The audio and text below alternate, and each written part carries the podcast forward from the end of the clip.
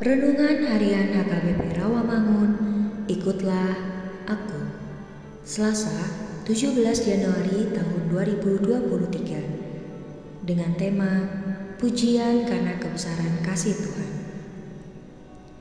Bacaan pagi kita pada hari ini diambil dari 1 Korintus 1 ayat 18 sampai 25. Bacaan malam kita pada hari ini diambil dari 1 Petrus 2 ayat 1 sampai 10.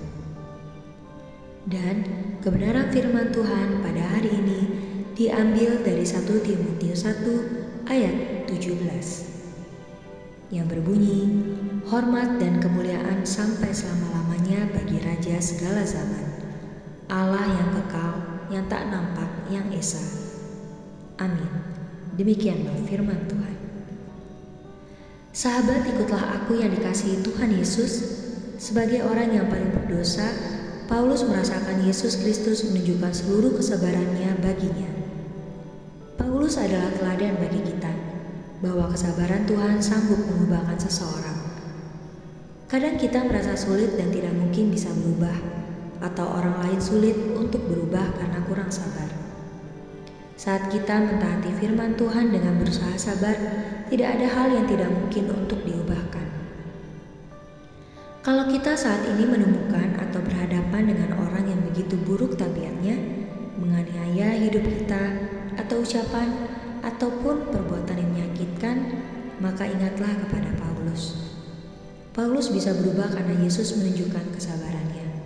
Dengan anugerah Tuhan, mari kita menunjukkan kesabaran kita kepada orang-orang yang menyakiti kita. Sebagaimana Paulus, kita pun selayaknya bersyukur atas kasih karunia dari Tuhan Yesus.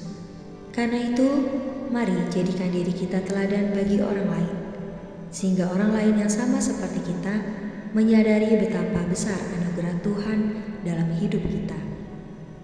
Jadi, jangan sia-siakan kasih karunia Allah tersebut di dalam hidup kita. Berilah yang terbaik bagi Tuhan melalui pelayanan kita terhadap Tuhan Yesus juga terhadap sesama kita. Oleh karena itu, mari kita sampaikan kepada semua orang hormat dan kemuliaan sampai selama-lamanya bagi Raja segala zaman. Allah yang kekal yang tidak nampak, yang esa, yang selalu menunjukkan kesabarannya bagi kita semua. Amin. Marilah kita berdoa. Tuhan Yesus, ajari kami agar dapat lebih mengenal kasih dan menyertamu di dalam kehidupan kami. agar pujian kami dapat menghasilkan iman yang tumbuh dengan baik karena kebaikan.